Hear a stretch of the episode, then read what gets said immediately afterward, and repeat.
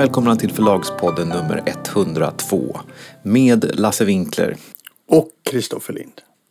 Har du tänkt på att vi försöker vara lika roliga på samma sätt i 102 avsnitt nu när vi introducerar oss? Mm. Undrar vad det tyder på? Ja, jag behöver inte grotta ner sig. Nej, låt oss inte göra det.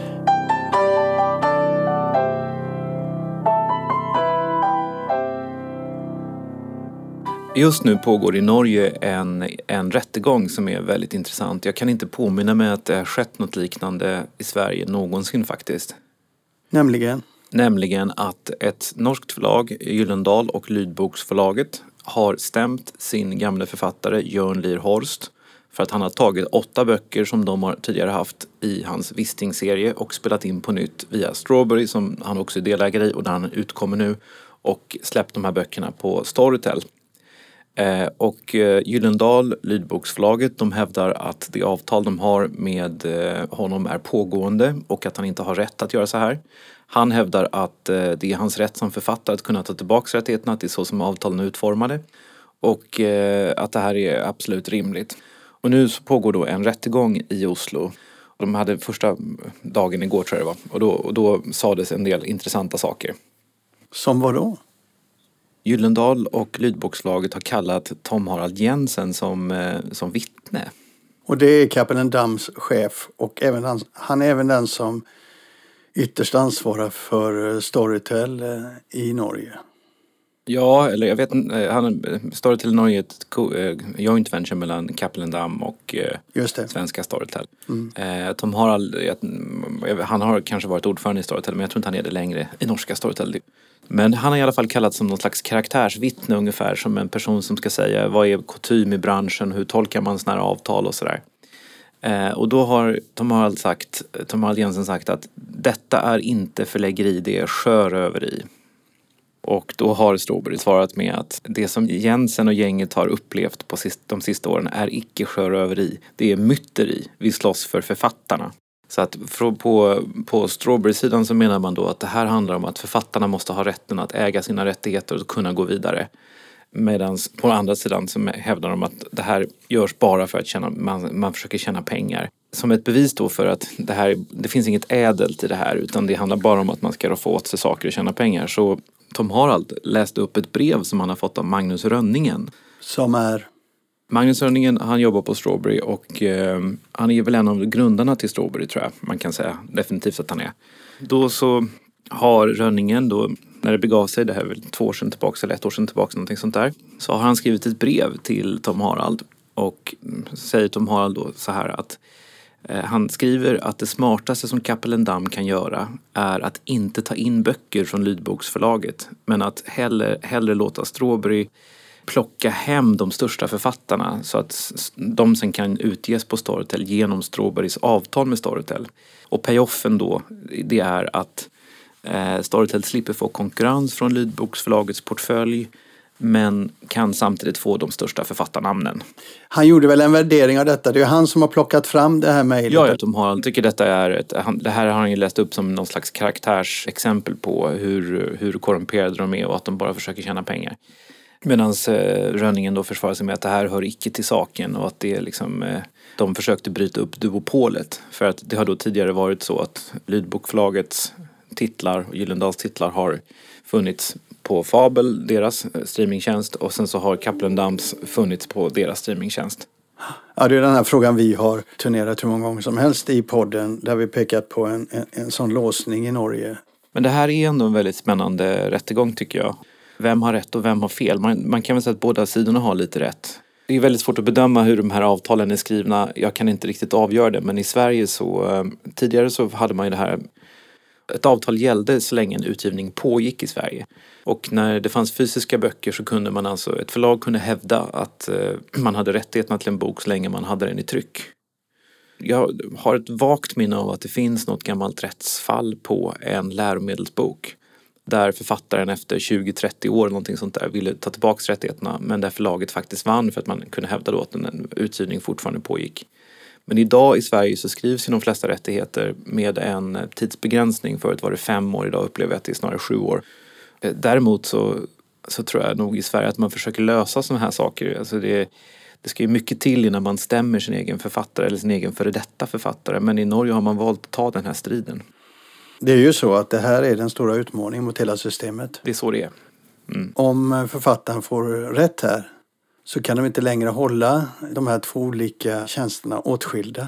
Utan då måste de hitta ett annat sätt. Och författarna, som i det här fallet Jörn Lierhorst, han vill ju komma ut på bägge plattformarna. Idag upplever han ju att i och med att han kommer bara ut på Fabel, den minsta av de två plattformarna, så förlorar han jättemycket pengar på att mm. de kunderna som har Storytel, de får inte lyssna på hans böcker och det förlorar han pengar på. Men det här är väldigt spännande och en annan sak i det här som är också lite märkligt och fascinerande det är ju att Bonnier är liksom, står ju på båda sidorna här. Eh, Bonnier är både den, den, den som eh, är stämd och den som försvarar så att säga.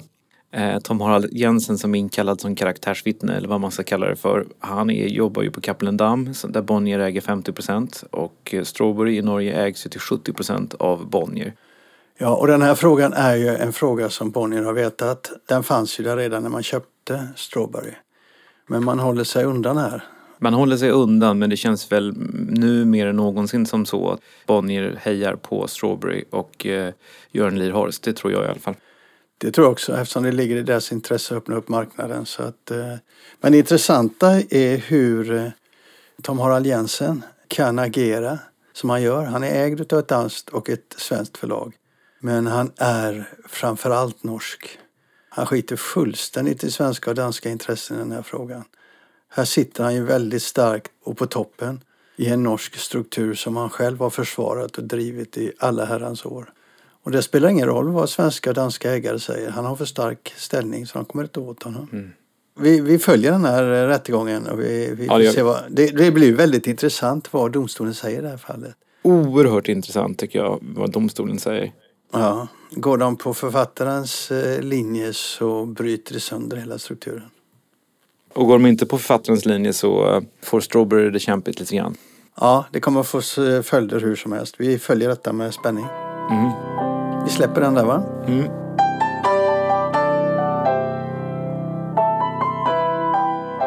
Och så går vi på den frågan som jag tycker är den viktigaste frågan just nu. Och det är försäljningen av Svensk Bokhandel.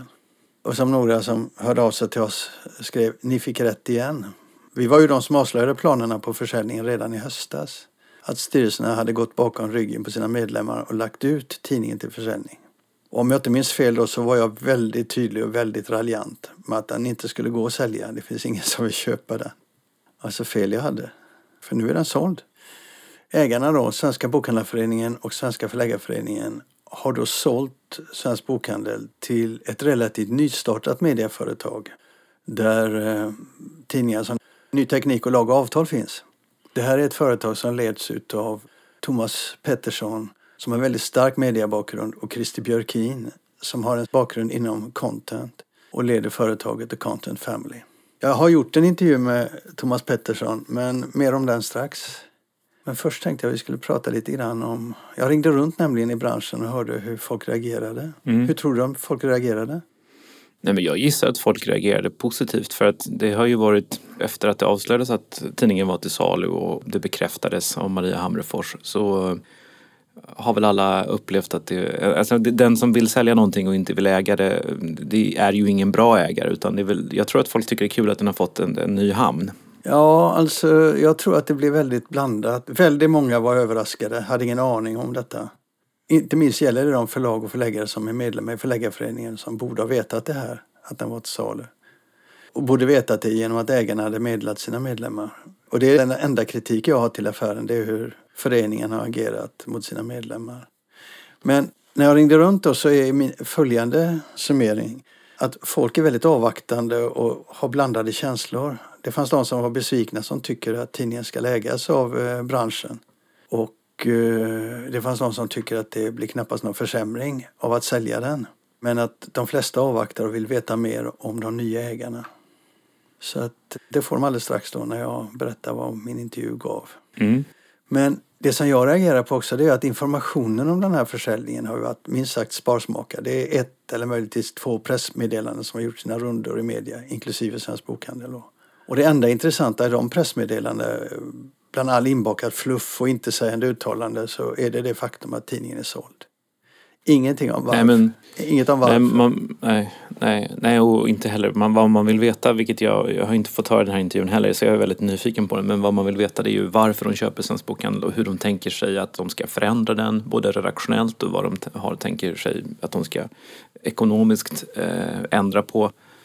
Ja, det hade ju varit snyggt om säljarna hade talat om varför de sålde.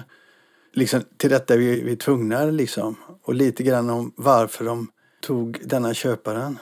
Men ingenting sånt. Och det säger väl en del om kvaliteten på ägarna. Fast nu är jag nog lite orättvis om jag ska vara ärlig. Jag har ju väntat på det här att något grundläggande ska hända med tidningen sen jag slutade för, var det 12, 11, 12 år sedan. Jag såg ju när jag jobbade där att om det här fortsätter så kommer kostnaderna att gå om intäkterna till slut. Och och jag visste att det krävdes ett nytänk. Så jag gjorde det rätta som slutade. Jag hade byggt upp en hel del men jag tänkte att det här krävs någon som verkligen kan tänka om på nytt. Och på just den punkten så vill jag ändå ge ägarna en eloge. De har slitit som satiken de senare åren med att hitta nya affärsmöjligheter och sanera mm. ekonomin. Där har de verkligen varit ja. proaktiva. Ja, och Maria Hamrefors som jag har förstått har gjort ett jättejobb och Mats Ahlström har nog varit en av de bästa styrelseordförandena man tittar på journalistiken som jag har sett. Men de har ju misslyckats med att säkra kvaliteten på tidningen innehållsmässigt. De har, alltså med några undantag i de här ledningarna, inte förstått vad god journalistik är och vad det kräver. Och undantagen är ju de som har slitit ordentligt med det här. Det finns några till men som helhet har de varit en sällsynt dåligt lämpade för den delen av uppdraget. Så, mitt gnäll är avklarat. Har du något att tillföra gnäll? Nej, men jag är väldigt nyfiken på att höra vad nya ägarna säger.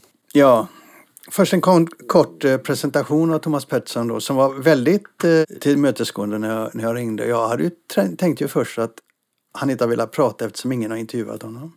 Men han var väldigt tillmötesgående. Han är ju i botten ekonom och han har en meritlista inom media sedan mitten av 90-talet som är lång som en arm. Han arbetar som ekonomijournalist på Svenska Dagbladet, Dagens Industri och den numera nedlagda Finanstidningen. Han var med och startade E24, en digital plattform för ekonominyheter. Han har varit VD och chefredaktör på TT Nyhetsbyrå. Jobbat på Mittmedia och var chef där under, eh, eh, eh, under en del av den perioden där. Där han tillbringar fem delvis turbulenta år med neddragningar, omorganisation och digitalisering. Han slutade där 2016 och har sedan arbetat som konsult åt medieföretag och investerat i medieföretag. Och I somras gick han då in som delägare i det bolag som nu har köpt Svensk Bokhandel. Så hur man än vänder och vrider på det så har han en visad passion och kunskap för medier. Vilket i sig i det här sammanhanget är en kvalitetsstämpel. Åtminstone tills motsatsen är bevisad.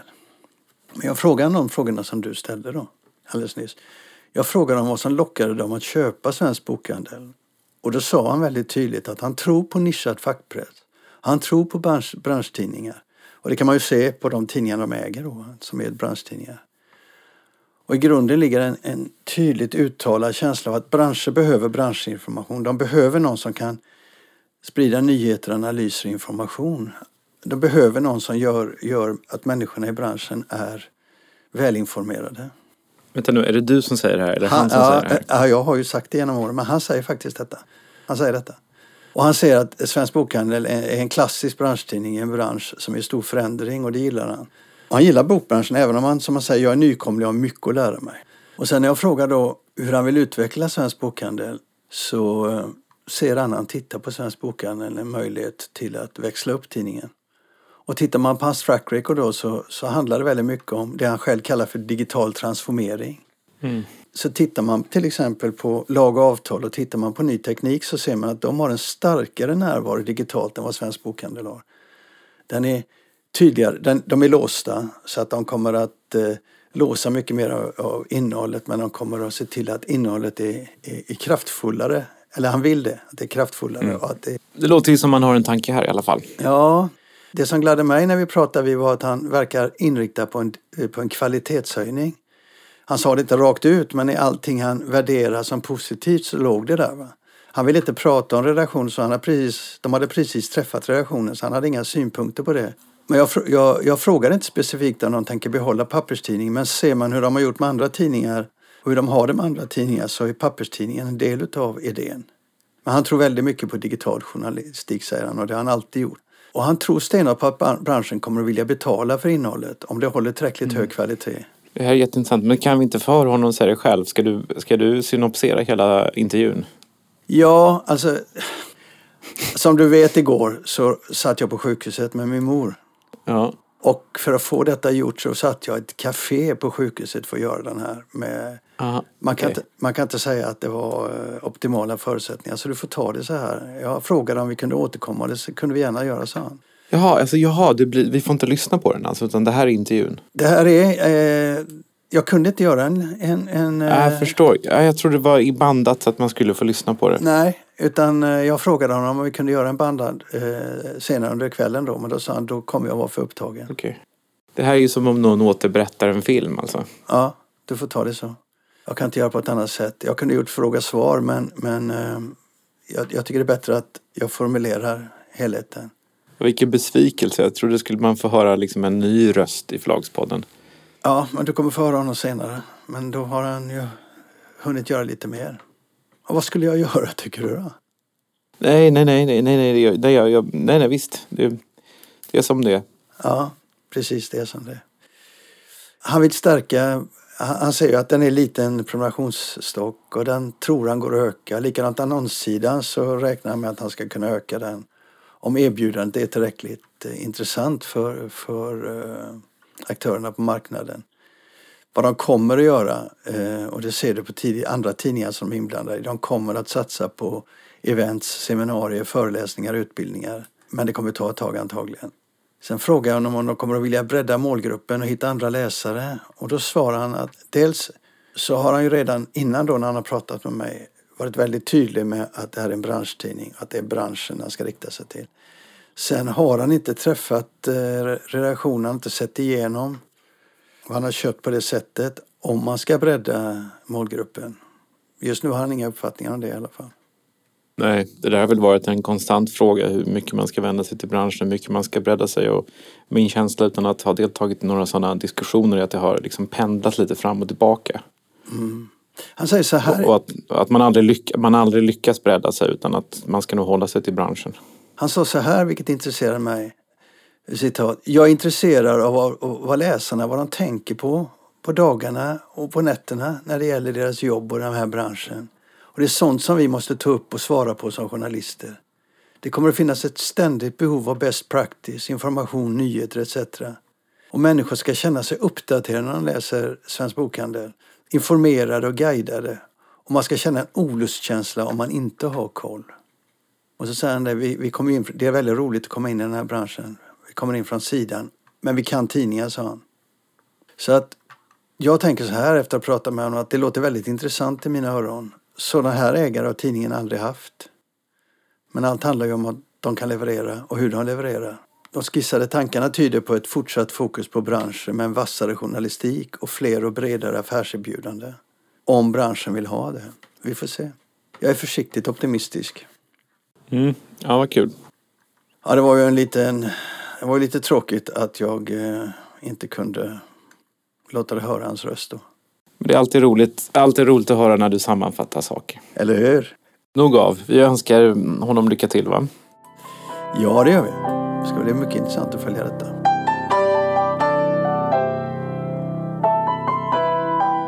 Du, jag har en annan grej som eh, jag plötsligt kom att tänka på. Eller plötsligt, jag, jag pratade runt i branschen så var det någon som sa det att eh, kolla upp den där, vad som hände med Stig Larsson-franchisen. Alla talade ju om det. det var så, sen har det bara frågan dött. Jag har inte hört någon prata om det på ett år.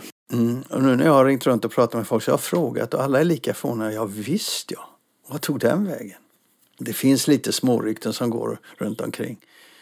Jag trodde ju att, eller vi kanske ska säga så här att det handlar ju om familjen Larssons och deras företag Moglidens intresse av att hålla Stig Larsson franchisen vid liv. Alltså hitta andra författare som kan skriva vidare på den här serien.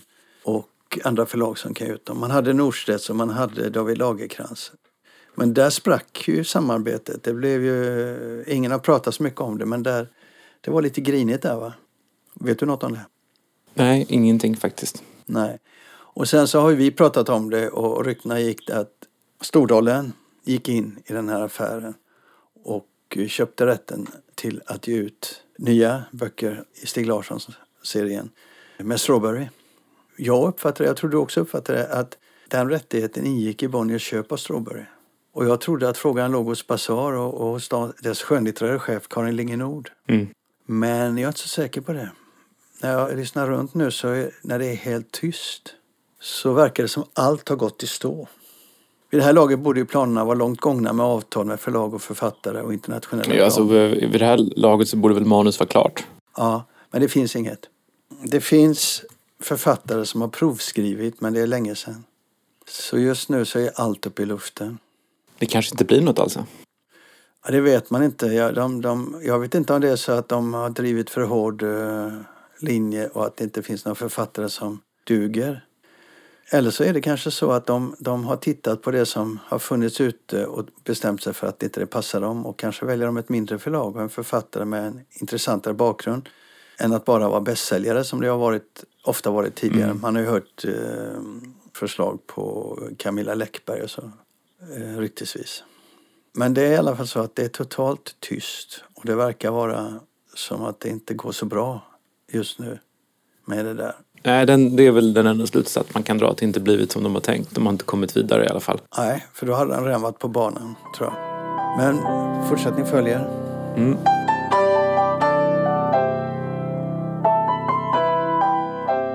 Sen fick vi ett litet meddelande av en av våra lyssnare. En av våra mer positiva lyssnare, ska jag säga. Som håller på och jobbar med en bok där Patti Smith spelar en, en viss roll. Så hon har följt och följer vad titta på Patti Smith gör. Just med tanke på sin bok. Och då upptäckte hon att Patti Smith nyligen har lanserat en prenumerationstjänst på nätet där man för 7 dollar i månaden kan få minst en text i veckan av Patti Smith till sin mejlkorg. Och det finns också en hemsida där man kan plocka ner dem. Och där också finns en del texter gratis. Det där tyckte jag var rätt intressant så jag gick in och tittade på det där. Och det är alltså Substack.com som har skapat en plattform där författare och skribenter kan sälja sina texter på det här sättet som prenumerationstjänst till intresserade människor. Jag tyckte det verkade jätteintressant. Och så kan man ju fundera på, finns det fler författare som skulle kunna göra det här? Du har inte hört talas om det? Nej, jag har inte hört talas om det. Jag vet inte heller vad jag ska tycka om det om jag ska vara ärlig. Men eh, jag tyckte det, det ser jävligt intressant ut. Jag vet ju inte vad Substack har för villkor när de gör det här men, men om du hittar författare eller intressanta människor som kan sälja sina texter som prenumerationstjänst. Det tycker jag är jätteroligt. Absolut, det är väl jättekul om de kan göra det. Jag, kom, jag vet inte vem jag skulle vilja... Liksom, det låter så tråkigt bara. Jag vet inte, om jag gillar, om jag gillar Patti Smith skulle jag tycka det var jätteroligt att få texter från henne rakt ner i min inkorg minst en per vecka och tips och foton och länktips och så. Det skulle jag tycka var jätteintressant om jag var intresserad av det. Av den författaren så att säga, eller den skribenten. Mm. Ja, kanske. Jag har, ju, jag har ju skribenter som jag gärna skulle göra det med. Du kanske, ja, du kanske vädrar morgonluft och ser framför dig hur du ska göra en journalistisk comeback. Eller hur?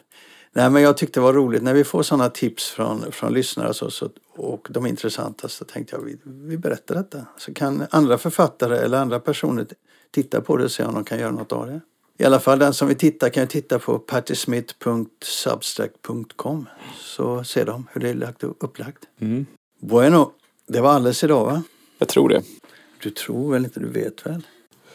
Jag är ganska trött. Ja, jag förstår det. Och det är väl inte så konstigt att du är det. Det här, Kristoffer, med att vi kommer ut varje vecka, det är ju som sagt det är väldigt roligt. Men det har ju sina sidor. Vi kan ju inte, om vi är griniga och trötta en dag så kan vi inte strunta i att spela in för då, då tappar vi en vecka. Just de här dagarna vi haft nu har ju varit rätt eh, tuffa. Vi har väl aldrig struntat i att spela in för att vi är griniga och sura. Då skulle vi inte få något gjort.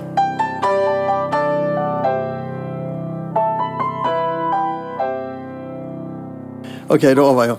Ja, tack ska ni ha. Det var allt för avsnitt 102. Vi hörs om en vecka. Hej då! Det gör vi. Hej då.